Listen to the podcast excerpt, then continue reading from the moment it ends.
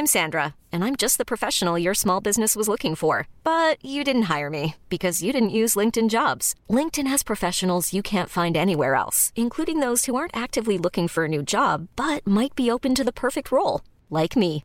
In a given month, over 70% of LinkedIn users don't visit other leading job sites. So if you're not looking on LinkedIn, you'll miss out on great candidates like Sandra. Start hiring professionals like a professional. Post your free job on linkedin.com/achieve slash achieve today. Hold up. What was that? Boring. No flavor. That was as bad as those leftovers you ate all week. Kiki Palmer here, and it's time to say hello to something fresh and guilt-free. Hello Fresh. Jazz up dinner with pecan-crusted chicken or garlic butter shrimp scampi. Now that's music to my mouth. Hello Fresh. Let's get this dinner party started. Discover all the delicious possibilities at hellofresh.com. Hey there, it's Michelle Norris. I'm host of a podcast called Your Mama's Kitchen. When I travel, I'm usually looking for a way to find a taste of home when I'm not at home. And one of the things I love to do when I am at home is entertain. And Airbnb allows me to do that. When I was in California recently, I rented a house that had a great kitchen. And when we were sitting around the table, we're all thinking, we're in someone else's house. Someone could be in all of our homes as well. If you have a home, but you're not always at home, you have an Airbnb. Your home might be worth more than you think. Find out how much at airbnb.com/slash host.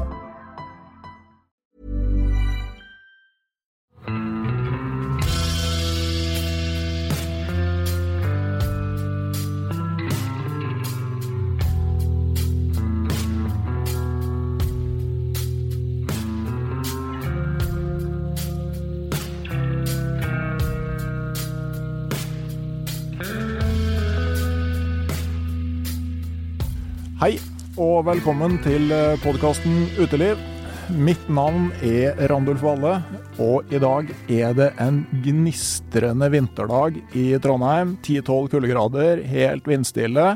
Sol på tretoppene der jeg bor, men det går enda noen uker før sola kommer ned til huset mitt. Det passer egentlig veldig fint med en sånn dag i dag, for eh, jeg har eh, besøk av en eh, tidligere gjest i dag. Øystein Wiggen, Sintef-forsker og friluftsentusiast, er tilbake. Eh, Fint du kunne komme igjen. Takk for å få lov til å ha muligheten. Ja. Og i dag skal vi snakke om bekledning, eller det som kalles bekledningsfysiologi. Og har jeg rett, Øystein, hvis jeg sier at det handler på en måte mye om hva klærne gjør med oss? Ja, du er inne på det der, og hvordan eh, de er med å påvirke eh, kroppens responser, og også hvordan vi presterer til en viss grad, da. Så vi skal snakke på, på et vis snakke om klær i dag, men det her er ikke den episoden vi skal diskutere om ull eller kunstfiber er best i undertøyet, eller om Gore-Tex eller bomull er best i ytterbekledning. Men vi skal se litt mer sånn prinsipielt på hva klær eh, gjør eh, med kroppen og kroppen i, eh, i naturen. Eh, for eh, hvordan fungerer klær? Hva er det de gjør? Klærne er jo sånn helt overordna, så skal jo de beskytte oss mot eh, omgivelsene. Vi er jo i utgangspunktet et sånn tropisk dyr. Så uten klær så trives vi aller best i sånn rundt 30 grader. Eh, da vel å merke uten klær i det hele tatt. Så klærne er med jo eh, vår beskyttelse mot omgivelsene, og skal da begrense varmetapet vårt til omgivelsene. Sånn at, eh, og det kan de jo gjøre på forskjellige måter, ikke sant? Altså du har altså, på en måte Skallbekledningen skal stoppe lufta, altså sånn varmetap fra konveksjon, altså via luft. Og så har du isolasjonsplaggene skal bremse mer det varmetapet som eh, Altså sånn at de reduserer varmeledningen, da. Ja. De har jo, de forskjellige plaggene har, som du sier, forskjellige funksjoner, og hvor det innerste skal eh, skape et eh, lite luftlag mot eh, kroppen, eventuelt transportere fuktighet eh, eh, vekk fra huden, at fuktige klær, det kjøler deg jo ned og reduserer isolasjonsevnen. Jepp. Men uh, hvis vi bare går på altså sånn mm, Hva er det som skjer uh, med kroppen hvis den blir for varm eller for kald? Ja, hvis vi begynner på ene sida, begynner på kuldesida, som er mest relevant i dag. Da, det første som skjer, er jo at vi føler oss kaldere. Vi er mest sensitive på endringer i temperatur, så når hudtemperaturene begynner å falle, så sier kroppen ifra at her er det noe i gjære. Da begynner blodårene å trekke seg sammen, og da får vi mer effektiv isolasjon, for da reduserer vi jo da den gradienten fra hudtemperaturen til omgivelsene. Sånn at vi hele tida da reduserer um, varmetapet. Ja, jeg kan bare skyte inn der at altså, ikke sant, drivkraften for varmetap, det er en forskjell i temperatur. Så jo større forskjellen mellom hudoverflata di og omgivelsestemperaturen er, jo større drivkraft får du for, for varmetap. Og ved å senke overflatetemperaturen, så minsker du den drivkrafta. Ja, og den der er jo den drivkrafta. De gradientene her er jo drivkrafta for alle de her responsene. Og samme som med, med svettefunksjon og sånne ting. Har du eh, et veldig tørt, kaldt miljø, så får du veldig effektiv svetting. Sammenligna med et eh, varmt og veldig klamt miljø, eller et miljø med veldig høy luftfuktighet som er på andre sida. Mm. Men bortsett fra å senke overflatetemperaturen, da, hva mer er det kroppen gjør når det blir kaldt? Ja, den eh, sier jo da ifra, og fingre og tær og hud blir kaldere. Og hvis du da ikke gjør noen ting med det her, så vil du etter hvert, eh, vil det etter hvert begynne å gå på bekostning av at den skal også forsvare Hele tida så ønsker jo å forsvare kjernetemperaturen. Og da vil du etter hvert begynne å skjelve. Og det er jo kroppen sånn, det er jo varmeovnen. Der står uh, musklene og jobber, uten at det blir noe som går til det vi kaller for mekanisk arbeid. Da går egentlig all den varmen som produseres av kroppen, til uh, det å opprettholde kroppstemperaturen. Og um, hvis at du ikke da evner å holde det der videre, så vil jo skjelveresponsen bli kraftigere og kraftigere etter hvert som eh, kroppstemperaturen vil falle. Og maksimal skjelverespons, det har man på en rundt 35 grader ish eh, på kroppstemperaturen. Og da mm, faller du lavere enn det, så mm, vil skjelvinga gradvis avta. Så det er viktig å huske på da at eh, det er ikke sånn at du vil skjelve hele veien nedover. Mm. Noen digresjon der. Jeg har lest en del sånn forskningsrapporter hvor du eh, tester effekter av ekstrem nedkjøling. Og da får jo ofte forsøkspersonene sånn medikamenter som stopper den eh, skjelveresponsen, ikke sant? Mm. Sånn for å, for å, fjerne en usikkerhet eh, og noe som på en måte forhindrer det du ønsker å oppnå. Ja, og det er litt sånn eh, Vi vet det at mange pasienter i ulike skadesituasjoner kan ha en redusert skjelverespons. Eh, og ikke minst så er jo en del av det ønsket med bruk av medikamenter at du ønsker å simulere hva skal jeg si, dypere hypotermi, da, altså skikkelig nedkjøling. Eh, hvor at du da faktisk har minimalt med skjelving. Mm. Men eh, på andre sida, da, hvis man i stedet blir for varm, hva som skjer da? Da har du samme vinduet, bare at det er litt færre temperatur Du har ikke like mye å gå på. Vi ligger jo på en 37 grader eh, jevnt over alle sammen. Og eh, beveger du deg oppover, så er det jo første som skjer med kroppen da, er jo at alle blodårene åpner seg opp, sånn at vi får mest mulig varmt blod ut til fingre og overflate, for å da få en så stor gradient som overhodet mulig. Eh, går du videre oppover eh, på kjernetemperaturen, at man ikke klarer å kvitte seg med den overskuddsvarmen, så vil eh, etter hvert kroppen også skjøtte ned. Da, da vil den begynne å begrense, sånn at du ikke klarer å opprettholde den samme høye varmeproduksjonen. Eh, og til slutt så risikerer man jo å få sånn eh, varmekollaps eller hypertermi, da, mm. som er på den andre sida. Ja, så at kroppen, Grunnen til at kroppen da på en måte slår seg av når du blir for varm, er rett og slett for at du ikke skal produsere mer energi og gjøre det hele verre? Ja. Mm. Noe som kan være litt uheldig hvis du da driver og skal kravle deg fram til den eh, skyggefulle bergveggen i ørkenen et lite stykke unna. Absolutt, det kan være noen utfordringer der, men vi får håpe at du har eh, tenkt gjennom det litt tidligere enn det, sånn at du har avpassa farta sånn at han kommer seg bort til den skyggeveggen. Mm. En bitte liten digresjon om det med forhøya kroppstemperatur. Jeg er jo stor fan av en annen podkast som heter Tåkeprat. som hadde en ganske interessant episode om sykdommen syfilis. Og en av de første mulighetene til å behandle det, det var fordi de visste at eh, den tålte ikke så veldig høy kroppstemperatur, så de infiserte syfilispasienter med malaria for å gi dem skikkelig, skikkelig høy feber, for det tok knekken på viruset. Ja, den var ukjent for meg, men eh, det var vel en av de tidlige stadiene, jeg antar.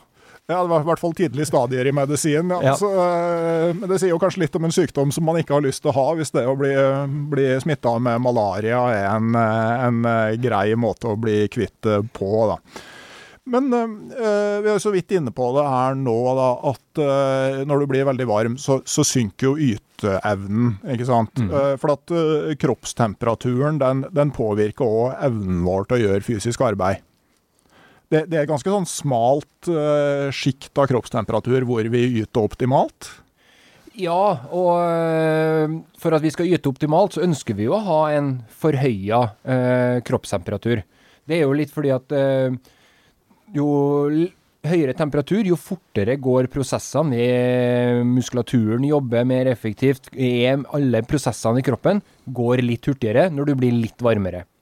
Eh, Det er derfor vi varmer opp, og derfor at du skal ha en høyere kjernetemperatur når du driver på eh, med fysisk aktivitet, i hvert fall når du skal drive på og prestere. Det er samme som når vi er ute og går eh, normale skiturer, og skal du ha på deg de små skiene og sånn, så er du jo gjerne oppe i 38-38,5 eh, i eh, kroppstemperatur. Og det er helt normalt. Hva skjer med overflatetemperaturen da? Er den nå høyere enn vanlig? Den vil være høyere enn vanlig for å effektivt kunne kvitte seg med, med, med overskuddsvarme, men den er helt avhengig av hvor mye klær og eh, omgivelsestemperaturen. Så ser vi hvis at du går ut eh, i dag på en eh, litt eh, høyintensitet skitur, og det er 10-15 minusgrader, så vil du ha en ganske lav overflatetemperatur, men du vil fortsatt klare å få en høy kjernetemperatur, da. Men det her er jo noe som du har studert en del, bl.a. i doktorgraden eh, din. Altså sammenhengen mellom temperatur, bekledning og prestasjonsevne. For altså det å kle seg riktig etter forholdene er viktig når du skal prestere fysisk. Ja, absolutt. Og det, da hadde vi jo et veldig sånn eh, sportsøyemed eh, på det, sportsfokus. For vi ser at eh, der skal det jo knipes inn ja, det er nesten hundredels sekunder, ikke sant. Det er de små detaljene som er med å kunne avgjøre. Og da var vi veldig interessert i å se på hvor mye har temperatur å si, og hvordan eh, kan vi eventuelt eh, gjøre ting med forhold til bekledninga og, og sånt. da. Mm. Ja, kan du si litt altså, om hva slags type forsøk dere gjorde her? Ja, i de studiene her så um, hadde vi, vi hadde fokus på langrenn. Så vi brukte langrennsbekledning. Da var det type superundertøy og en sånn her trikot eller sånn racingsuit da, til, som de bruker. Så vi hadde to lags der. Uh, og vi gjorde, et, vi gjorde to studier hvor vi så på um, effekten av forskjellige omgivelsestemperaturer. Alt ifra det som blir altfor varmt da, med langrennsklær, og ned til 15 minusgrader, som er det normale området. Med femgraders intervaller, og så på hvordan det her var med å påvirke prestasjon. Uh, og der fant vi interessante resultater ut ifra hva var det som var optimalt, og hvor mye hadde å si, og på hvilke faktorer hadde her noe å si. Ja. ja, Kan du si litt mer om måte, øh, med en sånn langrennsbekledning, hva som da var, viste seg å være optimale temperaturområder, og på en måte hvor store forskjellene var?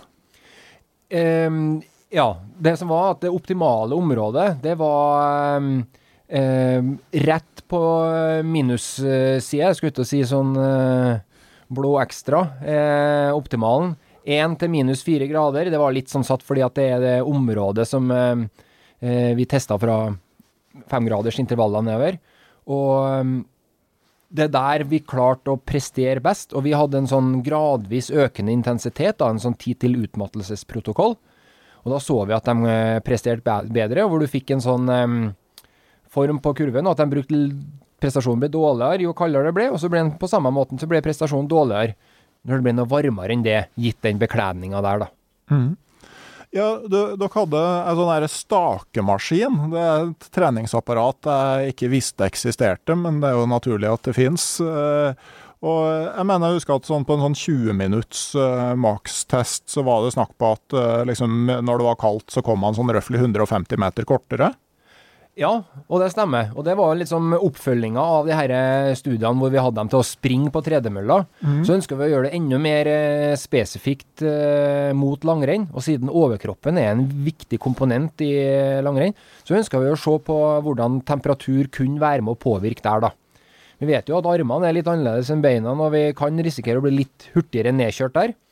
Eh, og der var akkurat det du sier der, da, at eh, vi så en 150 eh, meter nedgang på en sånn maksimalt 20 minutters staketest. Mm.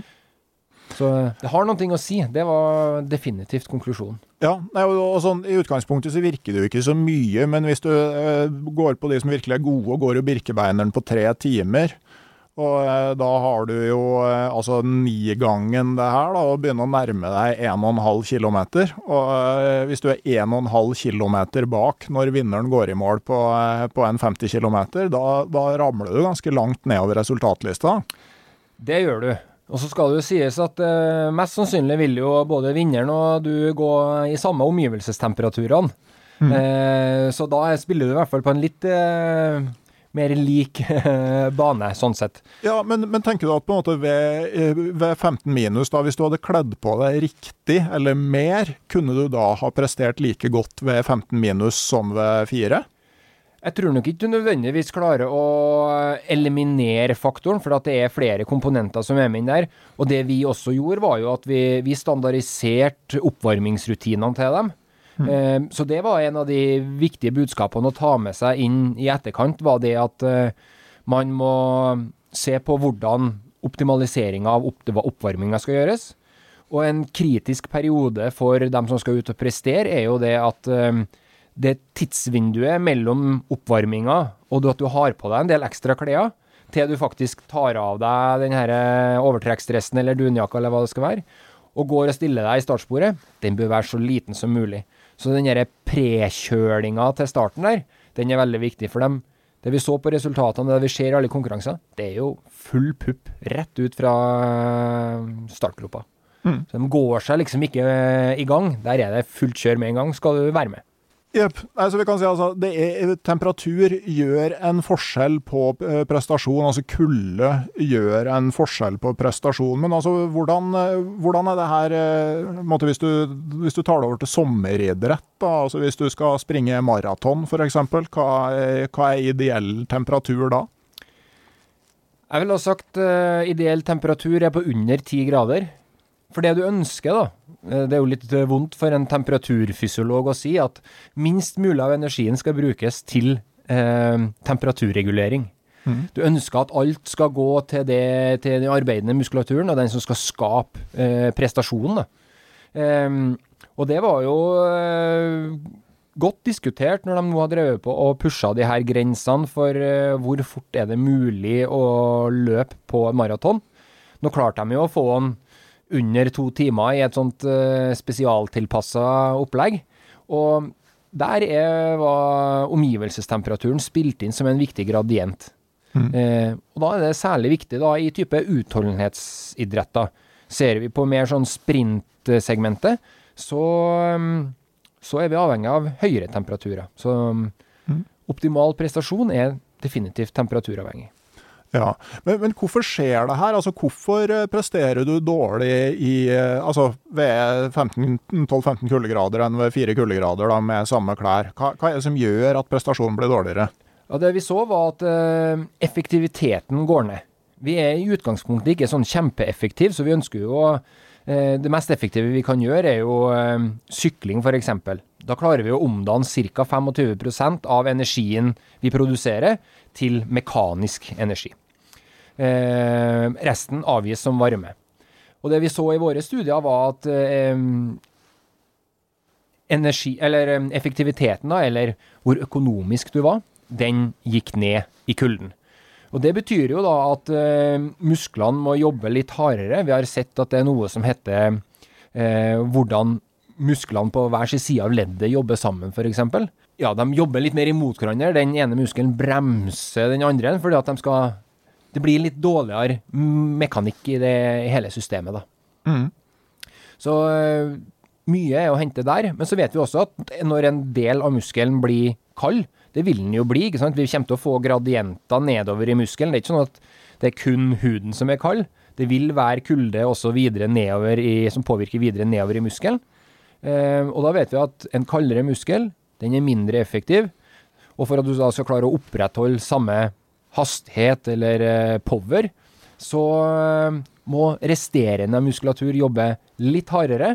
Og det går da på bekostning av hvor lang tid de klarer å opprettholde den type eh, energiproduksjon. Mm. Nå blir det veldig sånn langrennsspesifikt her, da, men det er en tanke da, hvis du liksom, sånn som de langløpene hvor de står og staker hele tida, at du da kler deg litt ekstra godt på overkroppen og heller satser på kjøling nedover beina, som du i mye mindre grad bruker? Ja, kanskje. Eh, jeg tror eh, en del av de her langløpsfolkene har i hvert fall fått en eh, tydelig påminner om at eh, man må tenke på bekledning når de er ute og går, for det var jo dessverre ble noen alvorlige, stygge frostskader på en del her når de var ute og gikk langløp. Ja, det var jo La Diagonella som gikk nå med temperaturer godt ned på 20-tallet. og Eh, jeg husker jo sjøl eh, tilbake i 1994, da det var OL på Lillehammer. Så, så hadde jeg vært sånn, såpass halvlovende av de lokale utøverne at jeg fikk lov å gå løypepatrulje. Uh, og det var jo for så vidt veldig Du starta ei patrulje ti minutter før start og ei fem minutter før start. Det var ganske greit på sånn som på, på intervallstart, for da var det jo dem fra Elfenbenskysten og uh, Trinidad og Tobago og sånn som starta først. Og så var det ikke riktig så stas på jaktstarten når det var dælig med Smirnov i hæla som kom fem minutter bak. da. Men i hvert fall, uh, på den tremila, første øvelsen, da Thomas Alsgaard vant, det er jo et sånn renn som aldri hadde blitt arrangert hvis det ikke var fordi at det var OL det var beinkaldt, og jeg tror de sto og pusta på termometeren ute i løypa for å, eh, for å få i gang, eh, gang, løpet. Og jeg minnes en sånn lang utforkjøring rundt halvveis i den runden vi gikk, eh, i en omtrent sånn påkledning som du beskriver i forsøkene. Og det eneste gangen jeg hørte knasa i dressen når du reiste deg opp igjen. Og eh, også husker jeg han som gikk først i patrulja. Han hadde en litt sånn spesiell stil inne på stadion. Han eh, hadde eh, beina samla helt ned til knærne og skøyta bare liksom med, med leggbeina, for det var et eller annet som skulle føre slekta videre, som hadde begynt å blitt forferdelig kaldt. Ja, og det det der er utrolig eh, viktig, og jeg tror nok at eh, det var en del av det her eh, langløp på La Diagonela som har eh, de har også ønska å samle beina litt i løpet av den uh, turen der, for at uh, der var det gjort jo stygge frostskader på, på fingre og tær. Det er jo områder som du holder ganske, står ganske i ro, ikke sant, og du klemmer rundt staver, og de jobber hardt med det. Men og heimen hendene er jo hele tida relativt høyt, fordi at de står med de stavene sine. og det som skjer der, da, det er jo det at når vi blir så kalde som dere der, eh, så blir det jo først ubehagelig, og du føler smerte eh, rundt det. Det er jo kroppens måte å signalisere på at her er det noe som er alvorlig galt. Men etter hvert, når du begynner å falle ned mot 10 grader og under 10 grader på hudtemperaturen eller fingertemperaturene, så begynner du å bli nummen. Eh, og etter hvert så kjenner du ikke smerten på samme måten. Og da er det jo virkelig fare på fare på ferde, for da kjenner du ikke at du kan få ytterligere nedkjøling. Noe som mest sannsynlig bare vil fortsette, da, ikke sant? hvis at du ikke kommer deg inn i et varmt rom, eller at du klarer å isolere på en annen måte. Og da står man jo i de situasjonene som de har fått, da. Mm. Med at eh, vevet til slutt eh, fryser, og så er det jo alvorlighetsgraden av det, hvor, hvor dypt har det eventuelt gått. Ja.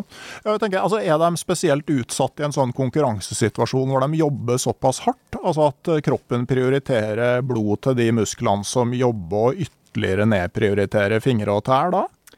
Den gjør jo det på, på en måte, sånn sett. Og det er ikke noe sånn at kroppen har eh, stopper opp og sier at fordi at eh, fingertemperaturen blir så lav, så må vi gjøre et eller annet. Det er når, liksom, når smertesensorene har begynt å gitt seg, så er det jo sånn at kroppen prioriterer eh, å sende eh, blodet til arbeidende muskulatur. Så det gjør det ikke noe lettere for dem, nei. Så du kan si at eh, det tipset som uh, jeg vanligvis pleier å komme med, er jo at gå deg god og varm. Altså hvis du ikke har fått varmen ut i fingrene, så må du stoppe opp litt og slippe hendene litt ned og hjelpe sirkulasjonen litt i vei. Det er jo dessverre ikke et uh, alternativ for den gjengen her. Skal du være med og prege løps, løpet som går, da. Mm. Og akkurat når det gjelder etterslekta, så fikk vi et veldig godt råd av eh, Johs Harviken, lærer i Gausdal i mange år, men opprinnelig fra Trysil. Er veldig dårlig til å etterligne Trysil-dialekt, men han sa at eh, hvis det blir veldig kaldt eh, på snoppen, så hjelper det veldig godt med avispapir. Ah, ja. Ja, nei, avispapir det fungerer veldig godt. Det finnes også sånne vindboksere, og jeg skal Der har jeg benytta både doble lag boksere og ekstraisolasjon eh, de gangene jeg har vært med på skirenn og det har vært skikkelig kaldt, i hvert fall. For mm. det der er smertefullt. Ja. Men, eh, men, jeg tenker nå altså på en måte, hva, eh, Mer i en sånn mosjonist- og friluftssammenheng. Altså, hva er det vi kan måte, hente ut og lære av forskninga og resultatene dine om at måte, kroppen presterer best hvis den er sånn relativt i termobalanse?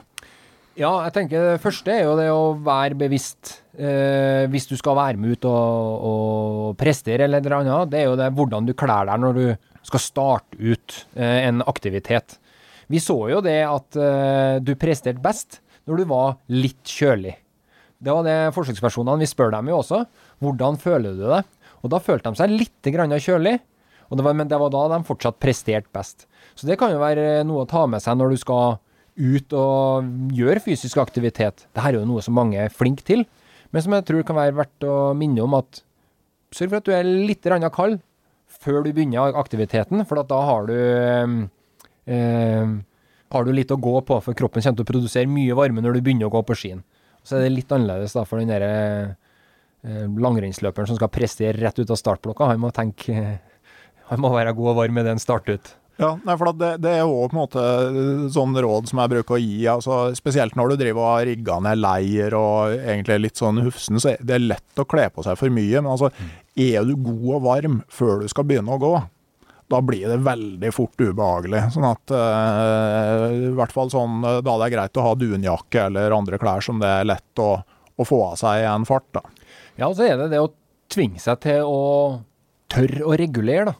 Mm. Det er noe som Forsvaret har jo hatt den her eh, tekniske hvilen, eh, er det vel etter eh, fem-ti minutter, og at du har gått og kjent Her var det kanskje noen som hadde på seg litt for mye klær, eller litt for lite, eller hva det skal være. Så får du den tilpasninga, og så kan du fortsette etterpå. For går du bare og svetter Én ting er at du blir, risikerer å bli mer dehydrert, men du får også masse svette og fuktighet ut i bekledninga di, som gjør det noe med isolasjonsgraden. da. Den blir isolerer vesentlig dårligere.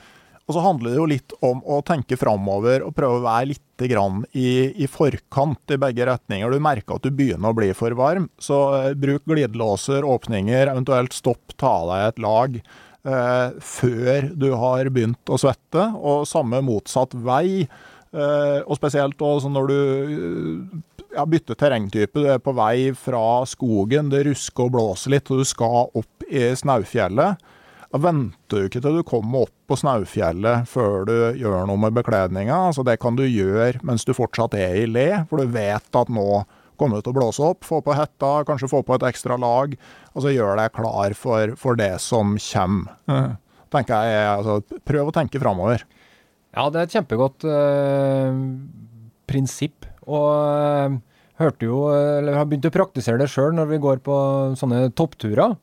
Det er at eh, du kan jo være kanskje litt kjølig, og det kan være litt mye vær.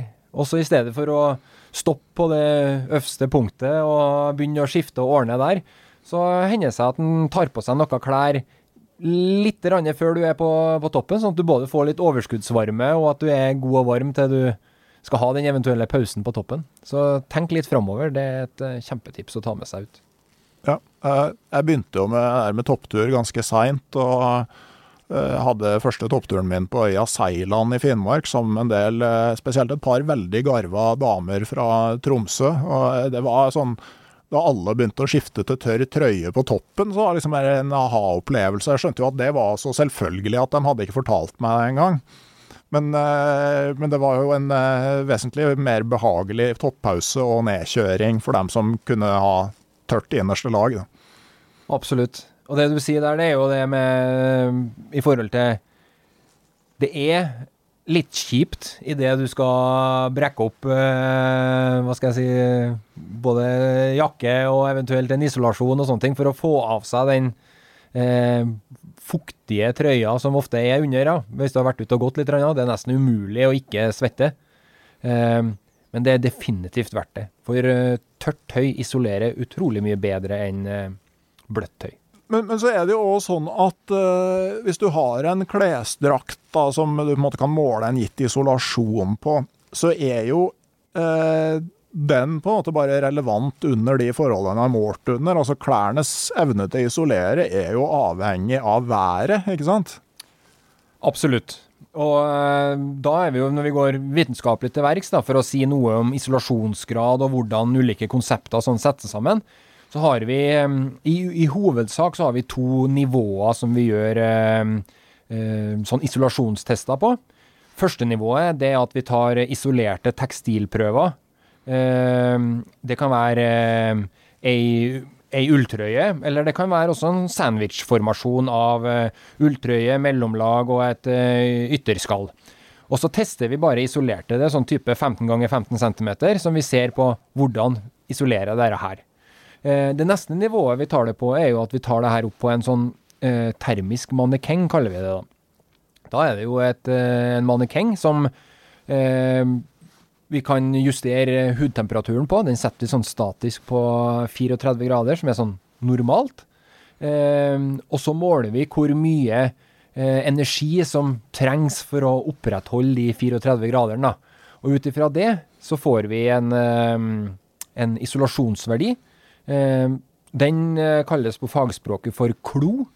Eh, og én klo, det er sånn typisk sånn kontoroutfiten. Det er mer sånn eh, jeans og en dressjakke, tror jeg det har vært satt en, en, gang i tida. Det er en ganske gammel enhet, en klo, så vidt jeg husker. Det er en gammel enhet, men han står seg godt. Ja. Uh, og brukes eh, som et veldig sånn godt uttrykk og brukes inn i modeller og sånne ting for å gi noen estimater på hvor utendørstid, hvor lang tid eh, man skal holde på å jobbe, osv. osv. Mm. Og det som er litt interessant, at når du begynner å komme opp på sånn fire-fem klo, da du skulle kanskje ikke tro at det er så voldsomt, men da er du på virkelig sånn Michelin-mann-bekledning? Ja, det er vel eh, fem klo. Da er vi på maksen av nesten. Da snakker vi dundress og sånn eh, Antarktis, eh, Himalaya-outfits. Én klo er jo som sagt kontoroutfiten. To-tre klo, da er vi på litt det her typiske vinterklærne. To-tre lags, kanskje litt tynn, isolerende jakke. Sånn vinteroutfits. Tre-fire, da er vi skikkelig vinter. Eh, gjerne kanskje noen isolasjoner, ikke bare i mellomlaget, men også i ytterlaget. Og så har du de skikkelige dunklærne. Jeg tror jeg tikker opp mot en fire klo her vi sitter i dag, i hvert fall. Ja, jeg eh, vil jo eh, Altså, jeg kan jo telle lag på fotene, bare, så, så er det flere kontorbekledninger utapå hverandre, helt klart. Og vi har begge funnet fram de tjukkeste dunjakkene. Podkasten heter jo Uteliv, og nå i disse koronatider så eh, spiller vi inn med forskriftsmessig avstand ute. Men, men, så er det jo altså sånn som dunjakka her. ikke sant? Altså Hvis det da blåser liten storm, så, så, er det jo flere effekter som gjør at den ikke lenger har den samme isolasjonsevnen. Ja. Den har jo på samme måten som øh, øh, huden og det vi har snakka om tidligere, med at øh, du får et sånt lite ekstra isolerende lag på utsida der òg, som gjør at det holder seg varmere. Men vi får også kompresjon. Eh, og kompresjon får vi jo i form av at vinen er med å, å presse på det, men også ikke minst det at vi eh, Den strammer seg litt over albuene, den strammer seg litt over ryggen. Eh, vi vet at eh, isolasjonsverdien reduseres betraktelig når vi, når vi setter oss ned, f.eks. Eh, da presser du opp eh, isolasjonen under eh, baken, og det strammer seg over lårene. Og det er jo en grunn til at den perfekte isolasjonsmåten er jo kanskje Nato-stillingen, for dem som er kjent med fra Forsvaret. Da står du midt i klærne. Da har du eh, Luftlagene står helt i ro. Og eh, det er liksom, det er liksom en, din måte å effektivisere eh, det du har på deg, få maks verdi ut av det. Mm. Ulempen er at kroppen din produserer veldig lite varme når du Det gjør står der. absolutt. Men, men det er vel òg altså, sånn med vind, altså, den kan jo òg skape en sånn pumpeeffekt i bekledningen. Altså når, når du har eh, sterk vind og på en måte klærne dine rister, så, eh, så blir luftlaget du har innafor klærne bytta ut eh, kjappere enn det vil bli til vanlig. Absolutt. Og når du får såpass ekstreme at uh, klærne blafrer på kroppen, da eh, forsvinner veldig mye av den isolasjonseffekten. Og det er som du sier, den her pumpeeffekten, eh, den har du jo også når at du, selv om det er vindstilt og du beveger deg, og alt som, eh, når du beveger deg går, så er det en sånn naturlig eh, utskifting og, av varm luft da, som du varmer opp og pumper ut, gjerne gjennom eh, halsen og kragen, men også hvis du ønsker å åpne og lufte ut under armene, så er jo det effektivt. Og jeg tenker også i vind, altså sånn, eh, Vi kaller jo eh, bomullsklær for vindtette på samme måte som membranplagg, men sånn, eh, hvis du ser rent fysisk på det, så er de jo litt forskjellige ligaer. At sånn eh, tettvevd bomull, hvis du setter på et trykk på den ene sida der, så vil du stort sett kunne måle en gjennomstrømning av luft til den andre sida, mens liksom et Gore-Tex-plagg kan du omtrent blåse opp en ballong av. Ja, du er nok inne på noe, på noe der, men eh, akkurat hvor mye det har, det har dessverre ikke jeg testa noe mye på, men at de er liksom graden av tett, den er nok eh, litt forskjellig. Så det er jo litt sånn at eh, det, det er ikke bare viktig hva slags isolasjonsevne klesdrakten din har når det er vindstille, for at det, endringen med, med vind er ikke den samme for alle typer klær. Og det samme med fuktighet, ikke sant. Altså at du, du har ei perfekt eh, dunjakke, og så blir det null grader og full storm. eh, Og så er isolasjonsevnen etter ei stund en helt annen enn det den var. Absolutt. Og det der er veldig viktig å tenke på at eh, det er ikke nødvendigvis ei løsning som eh, fungerer for, eh, for alt. Eh, og når du snakker om det der med, med hvordan er det ting henger sammen og gradienter og sånn, det, det er jo en sånn klassisk eh, budskap er jo at eh, 15 minusgrader ved fjorden, det er veldig mye kaldere enn 15 minusgrader på, på vidda. Eh, og det her var det jo noen som ønska oss å gjøre eh, Å se på noe forskning på. Eh, og det Hypotesen er jo det at den fuktige lufta, det er jo det man ofte hører, at den er så mye verre. Men så var det jo det her gradientene vi snakka om eh, tidligere. Og eh, det at eh, når du er i kalde omgivelser, og du skal ha fuktighets... Det er jo da svetting, eller evaporasjon. Så har du jo, er jo det en mindre gradient ved kysten enn det er på vidda med den tørre. Eh, så det de så da på nakne mennesker, eh, var jo at de foretrakk jo kalde omgivelser med høy luftfuktighet. Eh, og det kan man jo tenke eh, Det er jo definitivt fornuftig. Men det er jo fortsatt sånn at det føles ganske kjølig nede med, med, med fjorden, og da er det mer sannsynlig at den fuktigheten har jo mye å si på isolasjonen av de klærne du faktisk har på deg. Eh, og så er det veldig ofte litt mer bevegelse i den lufta, sjøl om det ikke er vind det er snakk om.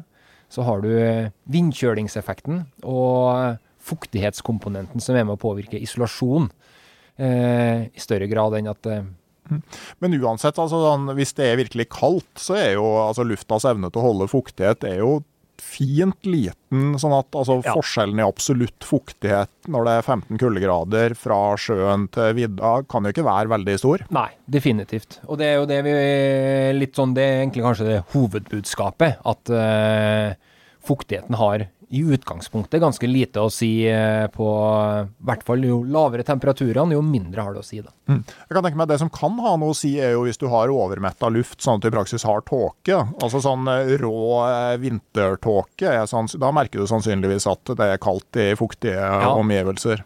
Og det er jo det som da, Når du snakker om, begynner å snakke om tåke og overmetta og sånne ting, da begynner vi å snakke om det som er litt sånn interessant når du ser på bekledningskonsepter og sånt inn mot eh, eh, lave omgivelsestemperaturer, for da begynner vi å få den her, det duggpunktet. Altså hvor at eh, varm luft holder på fuktigheten. Og etter hvert som den varme lufta med høy fuktighet beveger seg utover i et eh, plagg, så blir jo temperaturen lavere og lavere.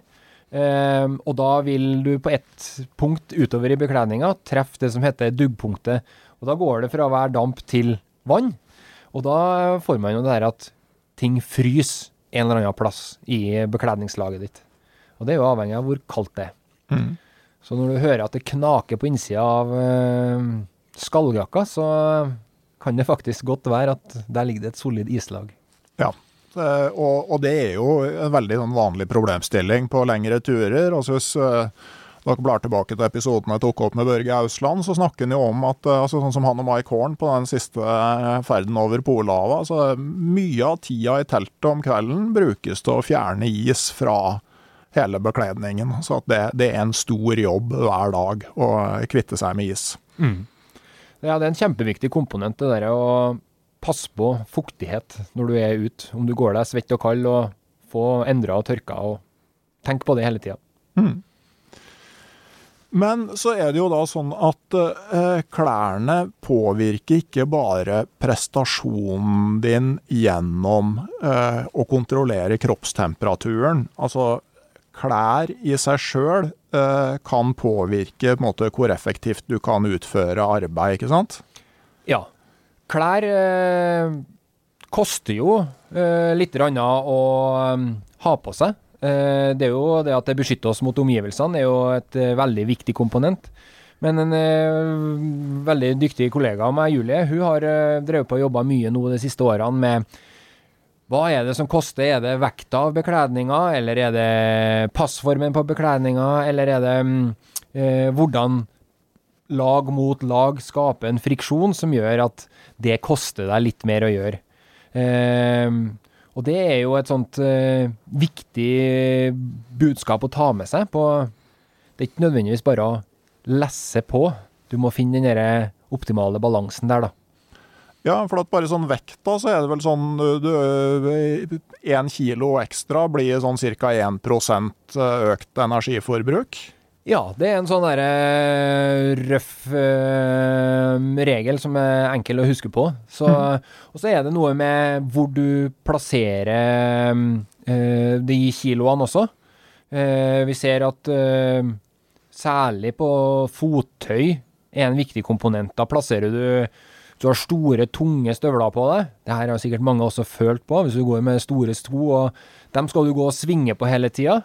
Så koster det deg vesentlig mer enn hvis at du hadde samme vekta festa rundt uh, livet, eller i ryggsekken for så vidt.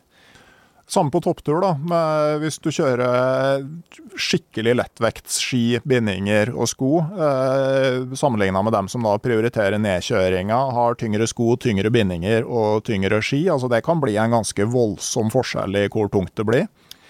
Ja, det er vel også en tommelfingerregel på én kilo på beina er fem kilo i sekken eh, i det området der. Mm. Så det har definitivt mye å si. og 5 per kilo, så eh, liksom eh, Og på begge fotene, så liksom to kilo ekstra skiutstyr på, på hver fot, så snakker du 20% mer energiforbruk. Ja, og jeg gjorde personlig en eh, liten investering og skeiva av en kilo per fot her eh, på fjorårssesongen. Og det gjorde eh, Det var en merkbar forskjell. Så det er en viktig komponent å tenke inn i. Så er det jo den derre avveininga mot det herre Det som har blitt litt sånn fast and light-konseptet versus Hva det slow and steady. Mm. Men det er en sånn avveining man skal ta med seg hele tida, fordi at uh, det er jo mye av det her som gjør at du kan bevege deg hurtig og langt i fjellene. Eh, men skulle liksom eh, noe hende, da, så er det dessverre sånn at en del har da altfor lite margin. Eh, sånn, så for et, sånn, fra et sikkerhetsperspektiv så skal man eh, reflektere en del rundt det, da, tenker jeg. Ja, tenker spesielt sånn med fjelløping og sånne ting òg. Altså hvis du er liksom i shorts og kortarma har ei veldig tynn jakke i ei rumpetaske, så, så, har du ikke så mye å gå på. Ja, bare det at du vrikker en fot. og og hvis du ser på sånn mer sånn ekstreme kuldesituasjoner, da, hvor du får uh, nullføre og regn, så har jeg jo lest uh, uh, rapporter som har studert sånn type forhold, og funnet ut at da Altså sånn, Selv om du holder samme tempo, så bruker kroppen kolossalt mye mer energi, altså opptil 50% mer, fordi en samtidig setter i gang prosesser for å holde varmen. Mm. Sånn at du kan bli fullstendig utmatta på turer som, er, som, du med letthet ville klart under andre forhold, da, hvis du er tynnkledd. Altså, folk har jo dødd i løpet av fire timer. Uh, Topptrente folk. Absolutt. Og det der er jo det samme som vi snakka om litt tidligere her, med skjelvrespons og sånne ting. Og en av faktorene med skjelvrespons er at du faktisk har noe energi å skjelve på, hvis du kan si det så enkelt som det. Mm. Og uh, i mange av de situasjonene her med fjelløping eller ultraløp eller hva det skal være, så, um, så uh, er jo ikke nødvendigvis energilagrene på topp. Så da vil du ha en begrensa skjelvrespons også, uh, muligens, hvis at det her skjer. Og da går eh, små uhell til å bli eh, større utfordringer ganske kjapt. Mm. Men samtidig da, altså, så er det jo eh, Jeg så skrevet i en kronikk at uh, trelags arbeidstøy øker belastninga med sånn røftlig 9 og verneutstyr, da, sånn full arbeidsbekledning med verneutstyr, så har du sånn 18 større energiforbruk enn en med lette klær, eller om det var i forhold til null, husker jeg ikke. Men altså, det, er jo noe å ta med seg, da. Altså sånn tunge, stive klær, store, tunge sko. Sånne ting. Altså det, det suger ekstra krefter. Absolutt. Og det her er jo uh, studiene som, har, uh, som, jeg har vært med på og gjort sammen med uh, Julie. Og um, det der ble sammenligna opp imot, var jo ekstrakostnaden mot det å ha på seg bare undertøy, da. Eller mm. det er jo tilsvarende nesten ingenting, men Og vi ser jo hvor mye utviklinga har gått på si, det sivile markedet inn mot løp og vekt, og hvordan ting har blitt Eh, alt ifra telt og soveposer, skotøy, fjellstøvler. Alt har blitt lettere og lettere fordi at det skal koste oss mindre. Og så er du liksom inn på arbeidsmiljøsida, og der begynner vi nå å se et eh, økende fokus på det. Og det er utrolig bra at man også da kan anvende eh, en del av den kunnskapen og teknologien da, etter hvert som har blitt tratt fram i friluftssegmentet, inn mot uh, arbeidslivet og dem som da står du i de tunge arbeidsklærne i eh, åtte til tolv timer gjennom uh, ei arbeidsuke, så er jo det her faktorer som har med ting å si, da. Mm. Definitivt. Og så For å gå tilbake til de små detaljene, så, så hørte jeg at bare sånn i en sånn konkurransesituasjon så måler dere altså med, med friksjonen mellom kleslag. Og så kan man måle en forskjell mellom det å ha to ullag som gnisser mot hverandre, kontra to glattere kunstfiberlag som gnisser mot hverandre, ikke sant? Ja, man har muligheten til å se på det, og, ehm, og det er jo sikkert Det er jo en grunn til at eh, innsida på de fleste av plaggene våre har en glatt eh, eh, et glatt nivå, og bruken av silke kombinert med ull og sånne ting, er jo både kombinasjonen av at det er komfortabelt å ha på seg, men det er også at det glir veldig godt imot hverandre, så man reduserer friksjonen. da. Ja, og du kan jo si altså sånn, kanskje hvis du går tilbake til OL i Lake Placid i 1980, da Thomas Vassberg slo Joa Mieto med ett hundredel på 15 km ned langrenn i intervallstart Kanskje eh, brukte Mieto ullundertøy, tror jeg. Kanskje det var det som eh, Det var 4,6 cm har jeg lest som eh, skilte dem. Vi kan jo velge å tro det. Vi kan jo håpe på at det var bekledningens lille edge som ga han den. Ja, eller var det friksjonen mellom halsen og skjegget? Godt spørsmål. Eh, det vet jeg aldri om vi får noe svar på, men det er i hvert fall verdt å reflektere litt over. Ja. Ove Aunli ble i hvert fall nummer tre. Og Thomas Vassberg nekta å motta det bragdgullet, som liksom er en sånn idrettspris i Sverige, fordi han, eh, han syntes de skulle ha delt den uh, gullmedaljen. Det var, ja. mm. Jepp, jeg skal bytte batteri. For... Ja. Jepp. Da har vi bytta batteri på uh, mikseren her. Det er jo Eh, ting og tang som blir vanskelig når det er kaldt, bl.a. elektronikk. Men eh, det er jo folk som har hatt verre problemer i kulda før, da, for vi skal gå over litt på, mm, på en ekspedisjon som jeg har vært innom mange ganger her i, i podkasten. Eh, Scott og Amundsens kappløp til Sørpolen. For den ekspedisjonen ble jo gjenskapt for noen år siden nytt kappløp på Grønland. Norsk lag leda av Rune Gjelnes, som visstnok følte presset. og aldri hadde, Folk hadde ikke sett den så nervøs noen gang før start. Det var ikke noe option å tape det her i omkampen. Eh, men da benytta man anledningen til å gjøre målinger av isolasjonsevne på de her to bekledningene. Og det var ganske interessant. Ja, absolutt. De, de fikk de her eh, replikaklærne og gjorde eh, testinga på en eh, lab i England. Og det var jo utrolig fascinerende resultater. De, de sammenligna jo Amundsen sine outfits med Scott, og så sammenligna de det opp mot en sånn det var vel det TV-kamerafolket skulle ha på seg, men det var jo da en sånn moderne dun-outfit som som de eh, kontrollerte her oppimot, da. Ja.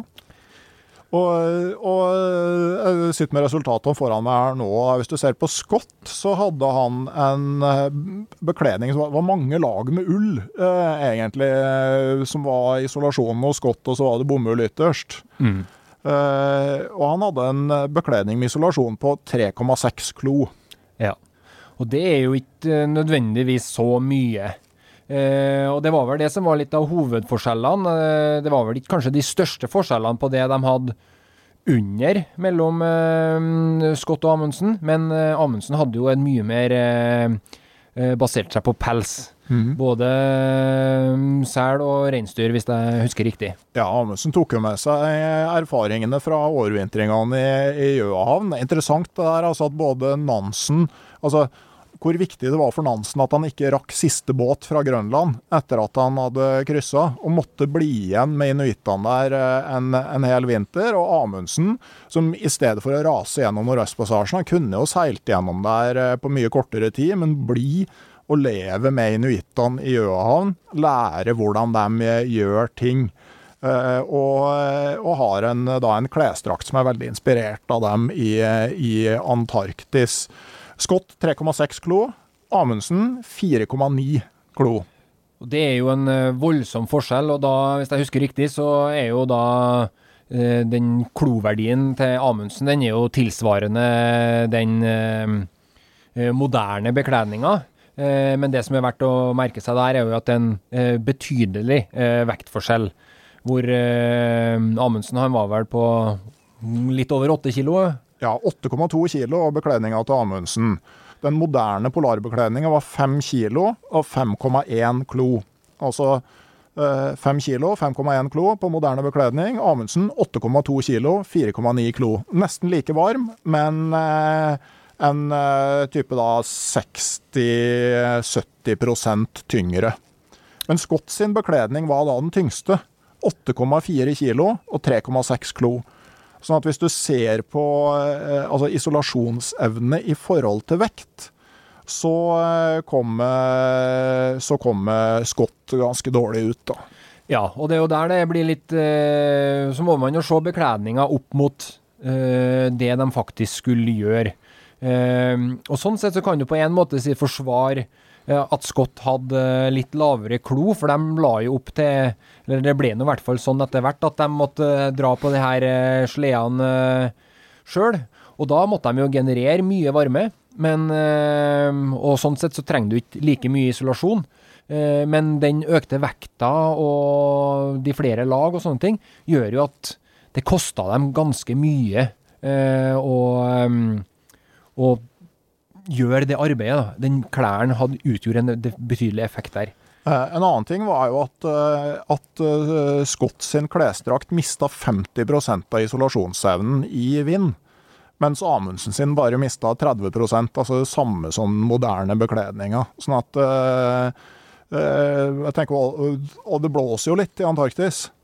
Sånn at Jeg vil nok tro at eh, en del av tida så må Scott og mennene hans ha fryst forferdelig. Og jeg tenker òg etter hvert altså, eh, En annen ting med Scott var jo at de hadde fryktelig lite drivstoff til primusen.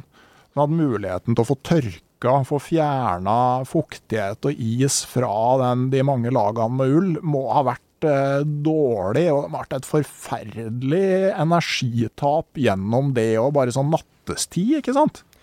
Definitivt. Og som du sier, når de har holdt på over så lang tid som de drev på her De ferdene deres, de er jo snakk om eh, Det var vel borti en tre måneder de var ute på, ut på, på tur, og da går du liksom et knepp opp da, hele tida på både at det koster deg mer å gjøre det arbeidet du skal gjøre, eh, fordi at du har litt tyngre bekledning, og så har du klær som ikke isolerer deg like godt, så du fryser litt mer i hver enkelt pause. Koster deg litt mer energi. Eh, og det begynte vel å bli eh, lite energi på slutten av den eh, De gikk vel tom, så vidt det var. Ja, ja. Det, er, og, og, og det er jo det, det som er tragisk med Scott-ekspedisjonen, at det er liksom så mange sånne eksempler. Altså det, det er så, så mange ganske tydelige ting som kunne ha gjort at det gikk bra. Eh, altså bare, bare den teltløsninga de hadde, som de visstnok da brukte kanskje en halvtime mer enn Amundsen på å sette opp hver dag. Og når du skal gjøre det 100 ganger, så mister du 50 timer med hvile. Ja, det er betydelig. Så det At bekledninga hadde noen ting å si, eh, det er jeg ganske sikker på. Eh, den hadde ikke alt å si. Det var nok summen av mange uheldige valg som eh, gjorde at ting ble som det ble. Men eh, det er litt sånn et ytterpunkt på å se på hvordan man kan eh, forberede og planlegge og reflektere over hvordan bekledning har effekt. Ja, og her kommer du på en måte inn på litt det samme som eh, et hundredel og 4,6 cm på 10 km, eller i hvert fall de er 150 meterne med forskjellig staking på 20 minutter. Altså Når du skal gå tur-retur Sydpolen, så blir det på en måte enhver sånn faktor Altså det å tape fem meter på en kilometer, eh, det, det blir veldig mye når turen din kanskje er 3000 km. Det blir veldig mye. Ehm, så det er viktige komponenter som du kanskje ikke tenker på når du er ute og går markaturen på søndager. Men når du skal ut på de lengre rundene, så er det veldig viktig å ha planlagt gjennom alle de her små detaljene. Og det var jo ehm, der Amundsen var eh, dyktig i sitt eh, planleggingsarbeid, da. Veldig dyktig, og det der med å aldri slå seg til ro med noe som man ikke var fornøyd med. Altså hele tida videre og videre. eh, Justere, endre, prøve på nytt. Eh, fantastisk eh, stykke med arbeid. altså det tenker på liksom gutta som sto og høvla ned sledene i løpet av vinteren fordi at forholdene i Antarktis ikke var så tøffe som de var blitt forespeila, og teltene som ble sydd om. bare at de eh, fant ut at hvite telt var ikke helt ideelt. altså Du samla mer solvarme med farga telt, og det var godt å ha noe å se på. De liksom kokte farga noe skokrem og noe greier, og farga alle teltene. Altså, og det er liksom ting etter ting som er sånn som det er alle små detaljer er tenkt på. Når turen blir lang, så er det der, eh, det er viktig. Men, men bare for dem som kanskje skal gå en lang fottur, da. Eh, hvis du klarer å, å ha et litt sånn bevisst forhold til hvor mye du har på ryggen, så kan du òg kanskje velge et par sko som er litt lettere. og Altså en eh, halvkilo mindre på hver fot, er da tilsvarende fem kilo i ryggsekken. Absolutt. Og en ting som jeg brenner litt for at folk skal tenke på når de er ute, det er at du må tenke Du må tenke helhetlig på bekledninga di. Det er ikke sånn at du kun løser noe med å ha på deg den største dunjakka. Du må kunne tenke helhetlig. Du må også tenke på å isolere hele kroppen for at du skal klare å ivareta isolasjons- og funksjonsevnen din eh, best mulig. Så eh, ikke vær redd for å bruke eh, boblebukser og eh, kombinert med dunjakken og Der er det mange små triks som jeg tror det er verdt å ta med seg videre. Tør å isolere hele kroppen når, du, når det er behov for det. Mm. Jeg hadde lenge ei sånn veldig lett dunbukse, veide et par hundre gram. Det var en av de tingene som ble liggende igjen i et telt i Trollheimen når jeg rota med GPS-en. Uh, faktisk ikke kjøpt tilbake den, men, men, den er jo genial. For at, uh, den er så fin å ha i camp. Uh, til og med brukt den under vaderne når jeg fiska. Men i tillegg så kan du ha en litt lettere sovepose. For du kan dra på deg dunbuksa nede i posen om, om kvelden. Så det er jo sånn helhetlig tenking. ikke ja. sant? Altså Du tar med 300 gram dunpose, nei, dunbukse. Men kanskje du velger en sovepose som er 200 gram lettere, så er totaløkninga bare 100 gram. Det er akkurat det. Og det samme er det med når du er ute, når jeg har vært ute og eh, Enten om det er på topptur, eller vi har vært og klatra is, eller et eller annet, og du skal stå på en standplass som du blir litt eh, eh, låst til, da. Eh, det å kunne ha Da trenger jeg ikke ha på meg den største dunjakken. Tar meg en litt tynnere dunjakke, men drar på meg den herre eh, eh, boblebuksa. Og totalisolasjonen da er veldig mye bedre enn hvis jeg hadde stått bare med tynn skallbukse på beina og ei tjukk jakke. Mm.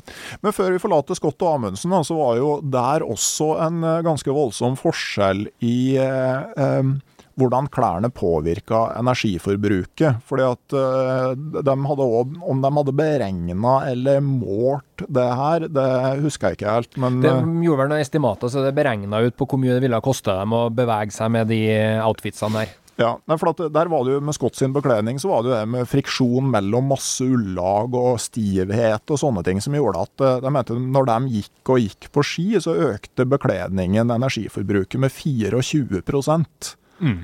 Uh, mens for Amundsen sin del så ville det samme under, når de gikk på ski, ville være 18 18-19% økning. Så mm. det er en ganske grei forskjell der. Og, og siden Amundsen i stor grad kjørte underslede, så der ville jo bare økninga være 10 mm. Så eh, Det utgjør mye på de der eh, x antall tusen mm. kilometerne du snakka på.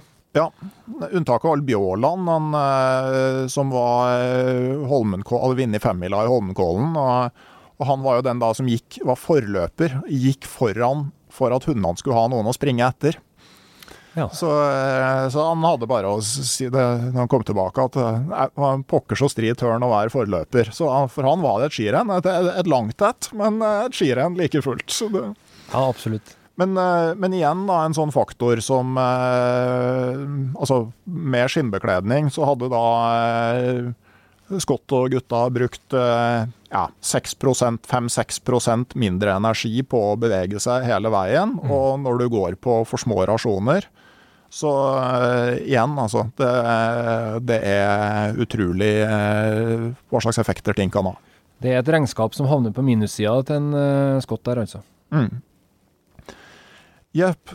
Du, det var, det var, interessant å prate med deg, Øystein. Jeg tror vi nærmer oss en slutt her. Men hvis vi skal på en måte prøve å oppsummere, da. Hva er det vi, er det vi tar med oss? Kroppen fungerer best når du er sånn rimelig passe varm? Ja. Eh, vi vil ha, når vi er i aktivitet, så får vi en litt forhøya kjernetemperatur. Det er bra. Eh, vi ønsker å ikke gå sånn at vi blir veldig svett og får masse fuktighet ute i klærne. Eh, det er lurt å tenke lag på lag. Det gjør det enklere å regulere. Men eh, det skapes jo også litt isolasjon mellom hvert enkelt lag. Sånn at vi eh, får litt sånn ekstraeffekt ut av det da. Men eh, jeg tror nok du klarer deg i de aller fleste scenarioene på to til fire lag. Man trenger ikke å kjøre fem forskjellige ullundertrøyer for man skal gjøre maks ut av det. Mm. Og så det om å prøve å være litt i forkant med temperaturreguleringa. Ikke vent til du er for varm og ta deg av det. Når du merker det begynner å skje, så justerer du. Bruker glidelåser, eh, åpninger. Eh, trekke opp eh, jakka på, på håndleddene. Altså, det bare blottlegge litt hud der. Altså, forutsatt at det ikke er sprengkaldt og blåser så du får fryse deg. Altså, klart. Men altså, du kan liksom blottlegge litt hud, og så åpne glidelåser på bukse, på jakke. Uh, vær, vær, i forkant, og det samme når du merker at ting begynner å bli kaldt. Uh, ta og, uh, og, få på deg før det blir altfor kaldt. Det koster deg mye mer å måtte varme deg opp enn å klare å bare vedlikeholde det. Mm. Så det er også lurt å, som akkurat som du sier, være i forkant og tenk helhetlig når det kommer til isolasjon.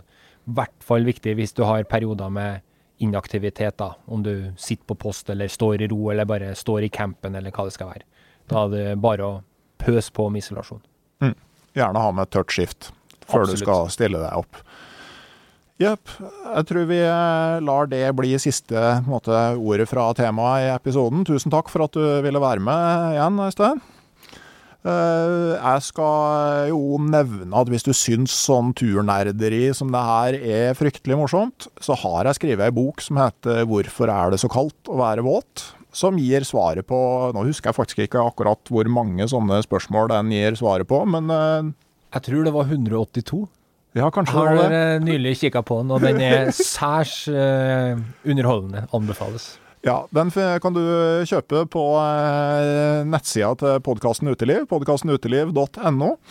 Eh, digresjon der. altså Akkurat nå så får du med en eh, bitte liten foldekniv som boka, som en sånn, som en sånn ekstra ting. Det får jeg ikke lov å si på Facebook. For Facebook har nå, i ly av det som har skjedd i USA i det siste, forbydd reklame for våpen. Så min eh, foldekniv med 4 cm blad, den kan jeg bare reklamere for her på eh, podkasten. Men eh, ikke bruk den til å storme noe regjeringsbygg, vær så snill.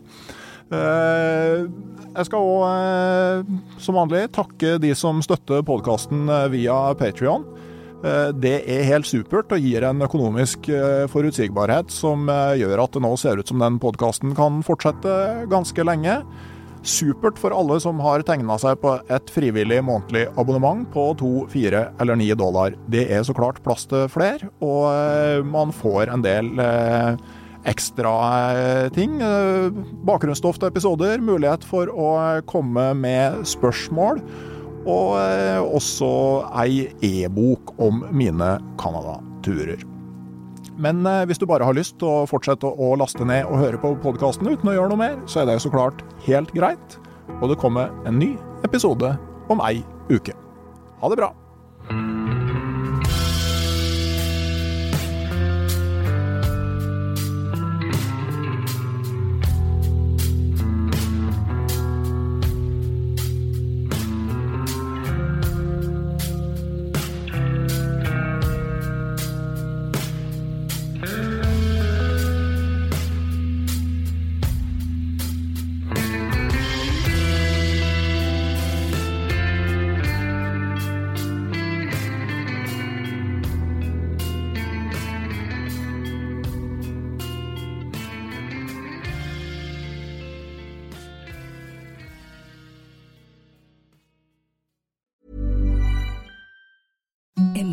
Softest sheets you've ever felt. Now imagine them getting even softer over time. That's what you'll feel with Bowl and Branch's organic cotton sheets. In a recent customer survey, 96% replied that Bowl and Branch sheets get softer with every wash. Start getting your best night's sleep in these sheets that get softer and softer for years to come. Try their sheets with a 30-night guarantee. Plus, get 15% off your first order at bowlandbranch.com. Code BUTTERY. Exclusions apply. See site for details. Planning for your next trip?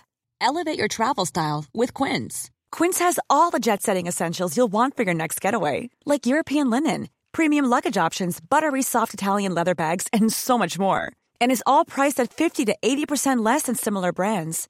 Plus, Quince only works with factories that use safe and ethical manufacturing practices. Pack your bags with high-quality essentials you'll be wearing for vacations to come with Quince. Go to quince.com/pack for free shipping and 365-day returns.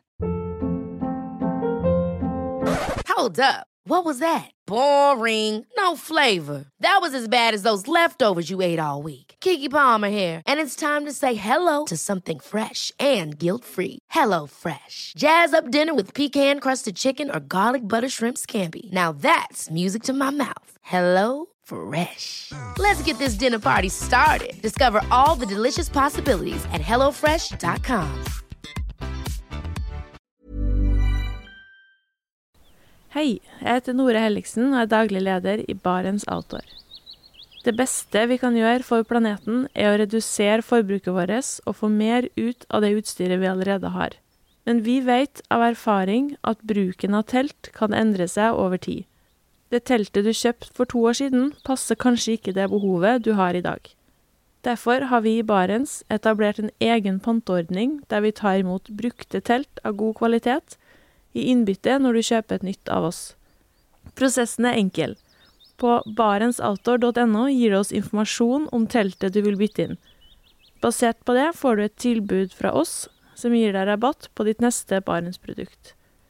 Mer info og betingelser finner du på barentsoutdoor.no. Og husk at den første reparasjonen på produkter fra Barents er alltid gratis.